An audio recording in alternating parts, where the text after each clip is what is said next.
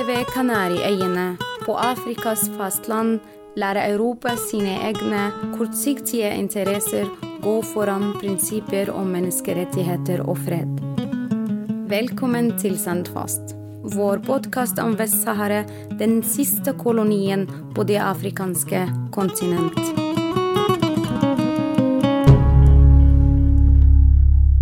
I dag lanseres en rapport som heter 'Sendte dem til Afrika'. Hvordan gamle norske fiskebåter ender i tvilsomme fiskerier i Vest-Afrika. Den er utgitt av tre foreninger sammen. Støttekomité for Vest-Sahara, hvor jeg jobber. Fellesrådet for Afrika. Og til slutt Naturvernforbundet, som du jobber for til daglig. Ja. Jeg begynner å bli senior i Naturvernforbundet. Jeg føler meg ikke sånn, men jeg har jobba der siden 1997, og det er jo ganske lenge. Mm, flere tiår. Uh, og der har jeg jobbet med å spore opp forurensning og utslippskilder langs norskekysten. Men også jobbet med uh, si, fiskerispørsmål og verneområder. Hvordan kan vi ta bedre vare på livet i havet? Jeg har studert i Australia, mm. så jeg kjenner på en måte stillehavsområdet og tropisk marinbiologi. Sånn korallrevfisker og mangrover og sånne ting. Mm. Uh, eller, eller dette liksom, havmiljøet der hvor det er mye lange strender. Og norskekysten er jo noe, noe veldig annerledes. ja, velkommen. Så uh, om noen timer så skal vi ha event på Kulturhuset, mm. uh, hvor den rapport skal lanseres. I korte trekk, hva er det rapporten viser? vi hadde en idé sammen. Eh, og bestillingen kom jo fra Erik i Vest-Sahara-komiteen. Eh, at vi skulle se om det er noen norske fiskefartøy som fisker utenfor Vest-Afrika. Eh, fordi for ca. ti år siden så laget Greenpeace en rapport om fiskebåter fra Europa som fisker i kontroversielle og driver med rovfiske utafor Vest-Afrika.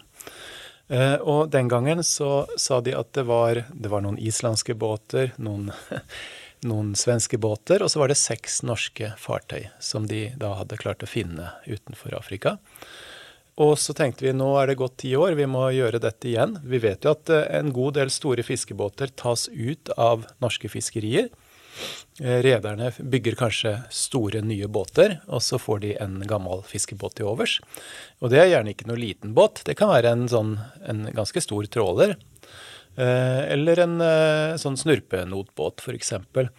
Og da viser det seg at vi gikk til sjøfartsmyndighetene og bestilte en liste over alle fartøy som er på en måte eksportert fra Norge, som er tatt ut av det norske fartøyregisteret. Eh, og da fikk vi 280 store fiskebåter som er eksportert fra Norge fra år 2000 til i dag.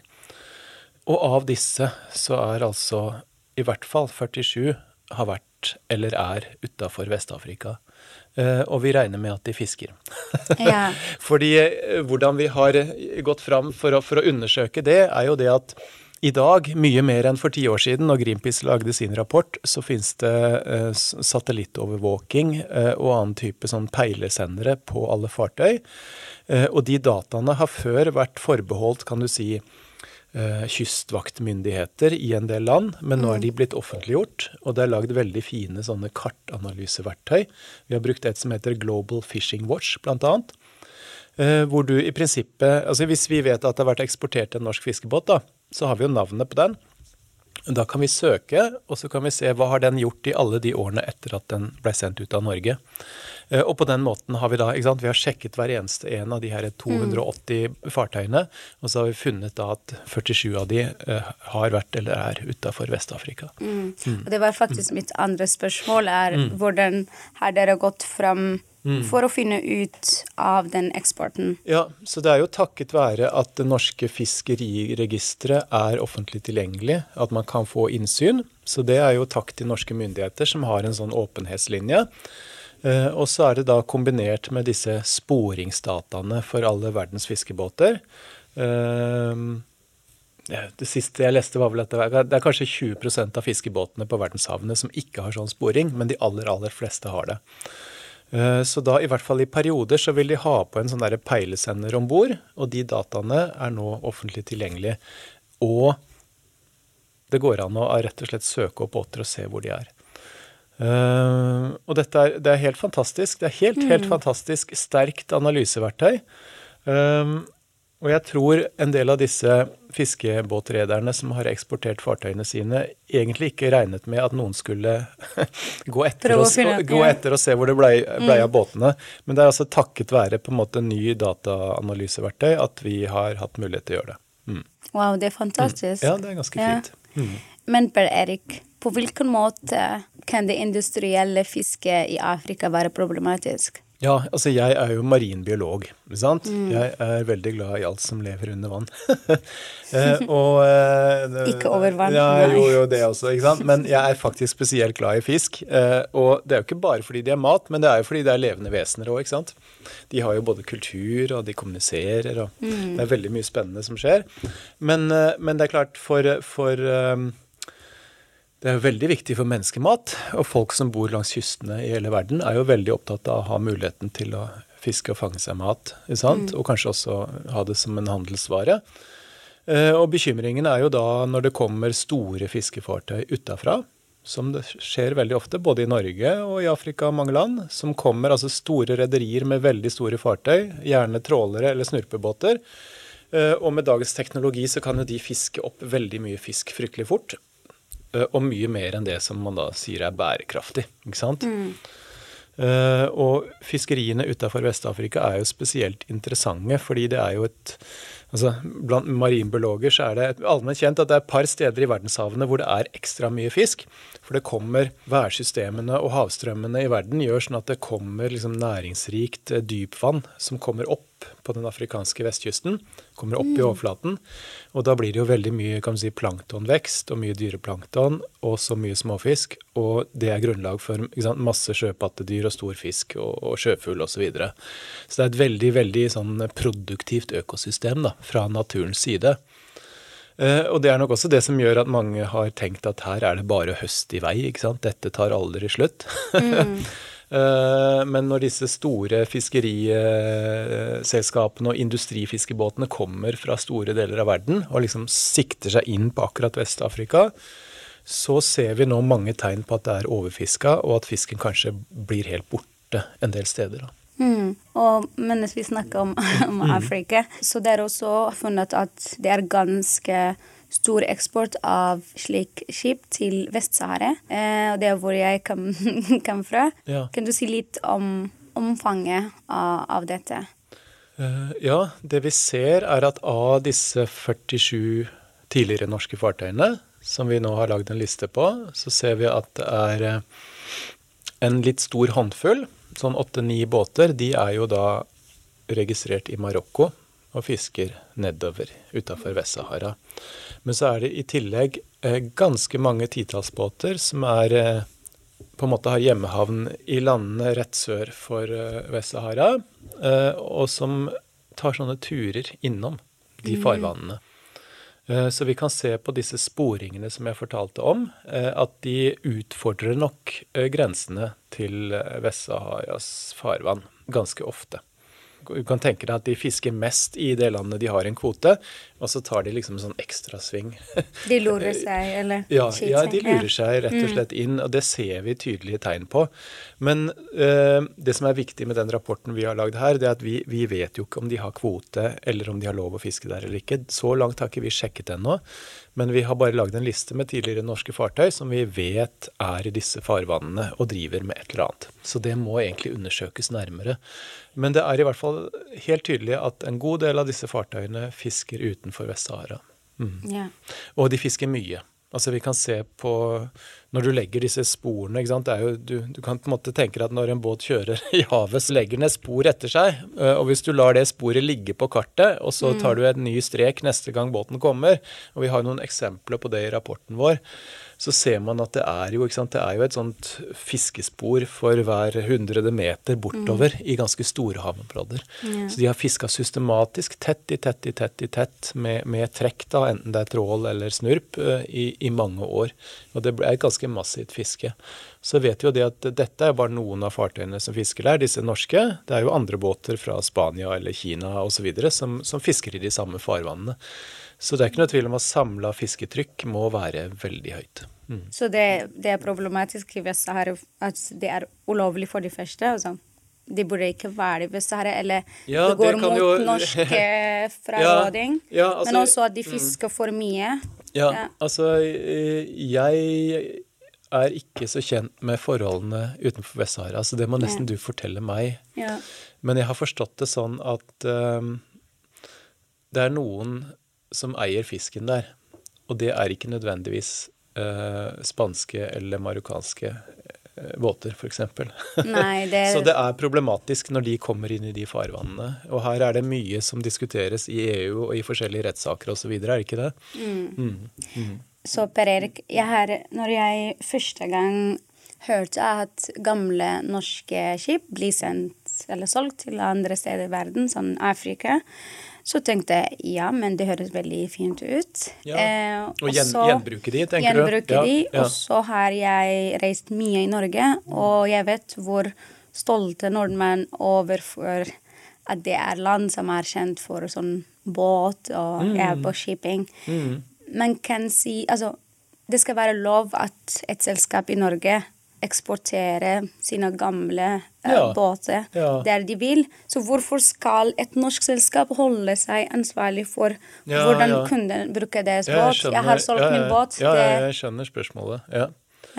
Um, nei, altså, vi, og vi er jo vant til at vi har et bilde av oss selv i Norge som at vi fisker ofte bærekraftig. Vi har gode fiskerier, god fiskeriforvaltning, god fiskerikontroll.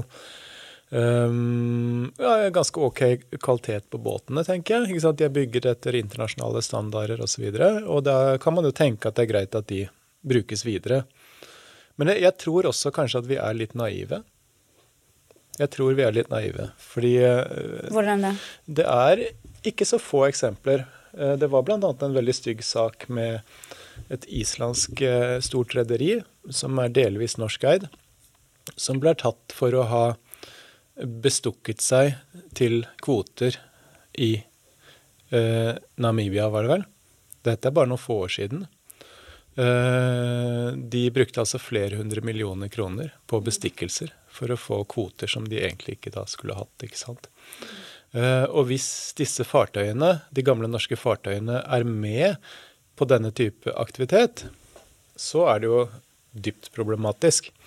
Eh, og det er jo det som er litt av bakteppet til at denne rapporten kanskje er ekstra interessant. Det er jo det at hvis noen har lyst til å grave litt videre i hva disse fartøyene faktisk driver med, hvem som eier de, hvem som har kvoter, hvem som ikke har kvoter og sånn, så tror jeg det er en del spennende historier uh, igjen rundt dette. Mm. Det er i hvert fall sånn at Jeg tenkte på det i dag tidlig. Liksom, hvorfor, hvorfor, hva er det som er så interessant med disse fiskebåtene? Det er jo bare et fartøy. Mm. de, noen av de er jo fine, og selv om de er gamle, så er de jo fullt brukbare, og de kan brukes til å fiske med. ja. Men det er jo det som er poenget. De er jo et redskap for å hente fisk ut av havet. Eh, og det er det mange andre forhold rundt det. Ikke sant? Det er ikke fiskebåten i seg selv, men det er jo det om hvem eier den, har de som jobber på båten ok arbeids, arbeidsforhold, har de kvote? Har de lov til å ta fisken i det området de fisker, osv.? Så sånn at det, det, er liksom litt for lettvint å si bare at nei, vi selger disse fiskebåtene, og de kan gjenbrukes hvis de f.eks. går inn i kriminell aktivitet. Uh, og mange selskap, i hvert fall i Norge nå, de snakker jo mye om, om dette med etiske standarder, ikke sant. Uh, de som investerer penger i selskap, de vil ikke putte penger i uetisk uh, forretningsvirksomhet. Eh, og jeg tror det her har vært litt sånn blind spot på, på, på den mm. norske handelsbanken osv. Jeg tror de må begynne å tenke på hva brukes gamle fiskefartøy faktisk til. da. Mm. Uh, og du kan si banken og rederen har kanskje fått da 100 millioner eller 50 millioner eller hva det er for denne båten.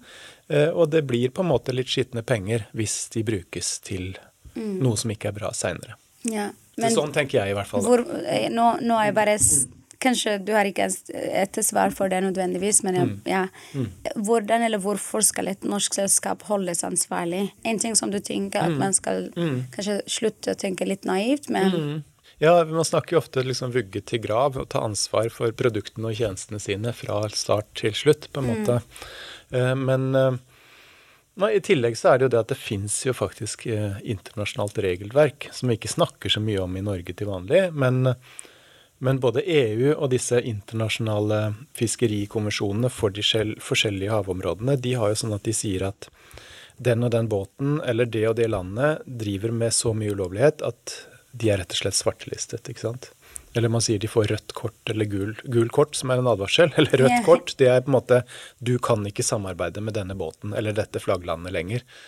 Um, og vi ser altså at noen av disse norske båtene, de har blitt flagget ut, som det heter, da, til land som er Altså det er egentlig sjørøverflagg, da. Mm. På sånn rapport så er det et bilde, eller et foto, mm. Eh, som gjør et sterkt inntrykk på meg i rapporten. Jeg tror alle de som kommer til å se dette bildet. Eh, men det er bilde av båten Adrer, eller Adrer, mm. som før het Bømmelpass. Så man ser at den ligger ute i havet utenfor Vest-Sahara, der den dumper død fisk mm. over bord. Det er trist å se, og det er vår fisk. Og når jeg sier mm. trist å se, det er vår fisk, og jeg kommer fra flyktningleir hvor det er mm. masse helseproblemer tilknyttet til dårlig diett. Mm. Hvorfor er miljøstandardene mm. så lave på steder som dette? Mm. Ja, nei, det er jo helt, eh, det er jo helt fortvilt at man dumper fisk. Og det er jo, for å si det sånn, hadde det vært i Norge, da, eh, så skal du ta all fangsten til land. Ah, det så det er regel i Norge at eh, hvis du får bifangst eller undermålsfisk eller noe som ikke du egentlig har så høy verdi på, og ikke kan selge så dyrt, så skal du allikevel ta det til land, for det skal registreres. Eh, og det kan jo da brukes videre. Eh, og det er jo nettopp for å unngå på en måte det, Dette er jo matsvinn i, i første instans, da. Og det er veldig vanlig, dessverre, i fiskeriene rundt i verden. For det er jo det ja, hvis, Hvorfor kaster de det? Ja, det, det, ja, det ofte, så, ja, Man snakker ofte om f.eks. noe som heter high grading. da. Si at du har en kvote, mm. uh, og så har du forskjellig pris på fisk av forskjellig størrelse. Uh, og da vil du selvfølgelig prøve å fylle den kvoten, eller den båten, da, på den mm. turen med mest mulig verdifull fisk.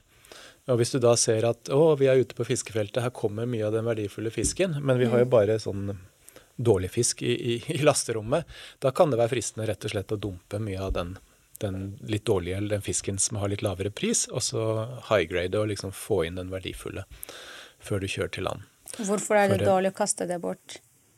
Det, hvorfor det er dårlig å kaste det bort? Ja, den, den andre sånn dumping.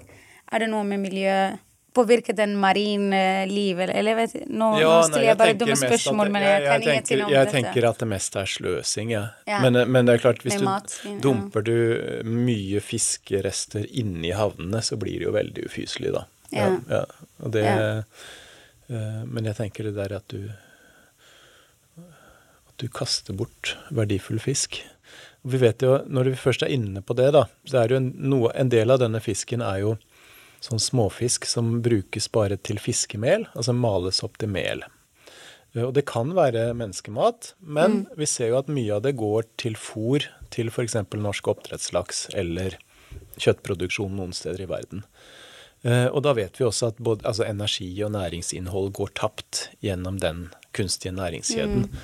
Så hvis man skal måte si at man fisker for å fø verden med, med, med, med, protein, så bør man jo spise mest mulig av denne fisken direkte, da. Eh, ja. Uh, I hvert fall ikke kaste den, og heller kanskje ikke bruke den til, til fôr, da. Til dyrefôr. Hva er løsningen på det problemet her?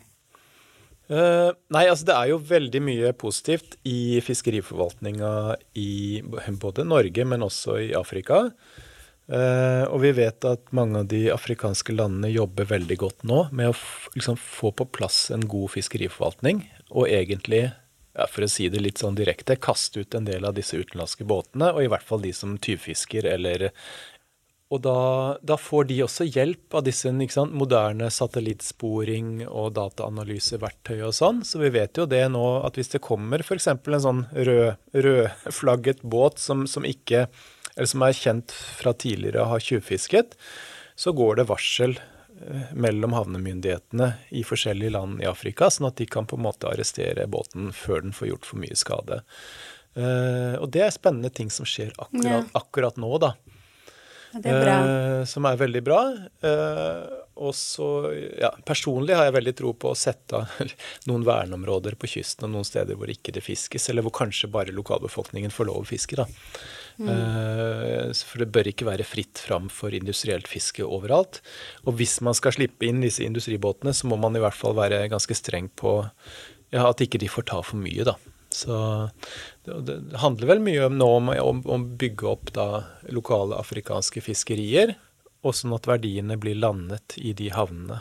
Mm. Så man både kan bruke det som mat lokalt, og at man får verdien av den fisken som man egentlig eier. Mm. Mm. Eh, hvorfor skal man lese denne rapporten eller laste den ned? Ja, det er en eh, unik eh, inngang til å se hva de norske fiskeriene og rederne egentlig er med på i en helt annen del av verden. Uh, og du får altså en unik liste med nesten 50 fartøy som ikke er kjent fra tidligere at de er utenfor Afrika. Uh, og du får også tilgang til et kart som vi har laget, mm. hvor veldig mange av disse båtene ligger inne. Og hvor man nettopp kan gå og følge da liksom satellittsporene deres Eh, rundt utenfor Afrika, og man kan finne ut veldig mye selv ved å, ved å, sitte og leke litt med dette kartet og se nærmere på båtene. Hvor har de vært når?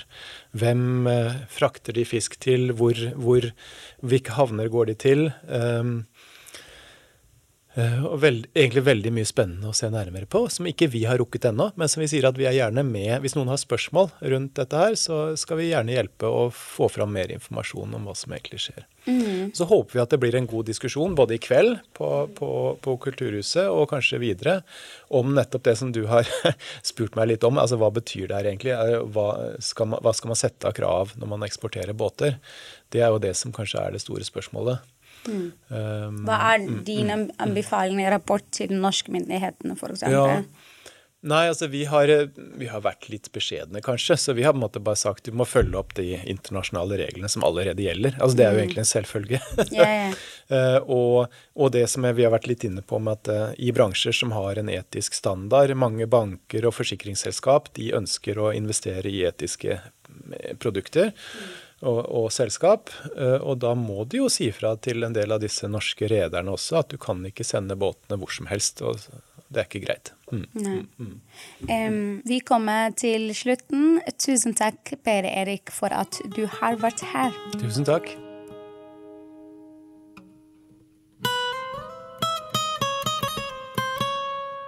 Hvis du vil lære mer om Vest-Sahara, gå inn på vest-sahara.no.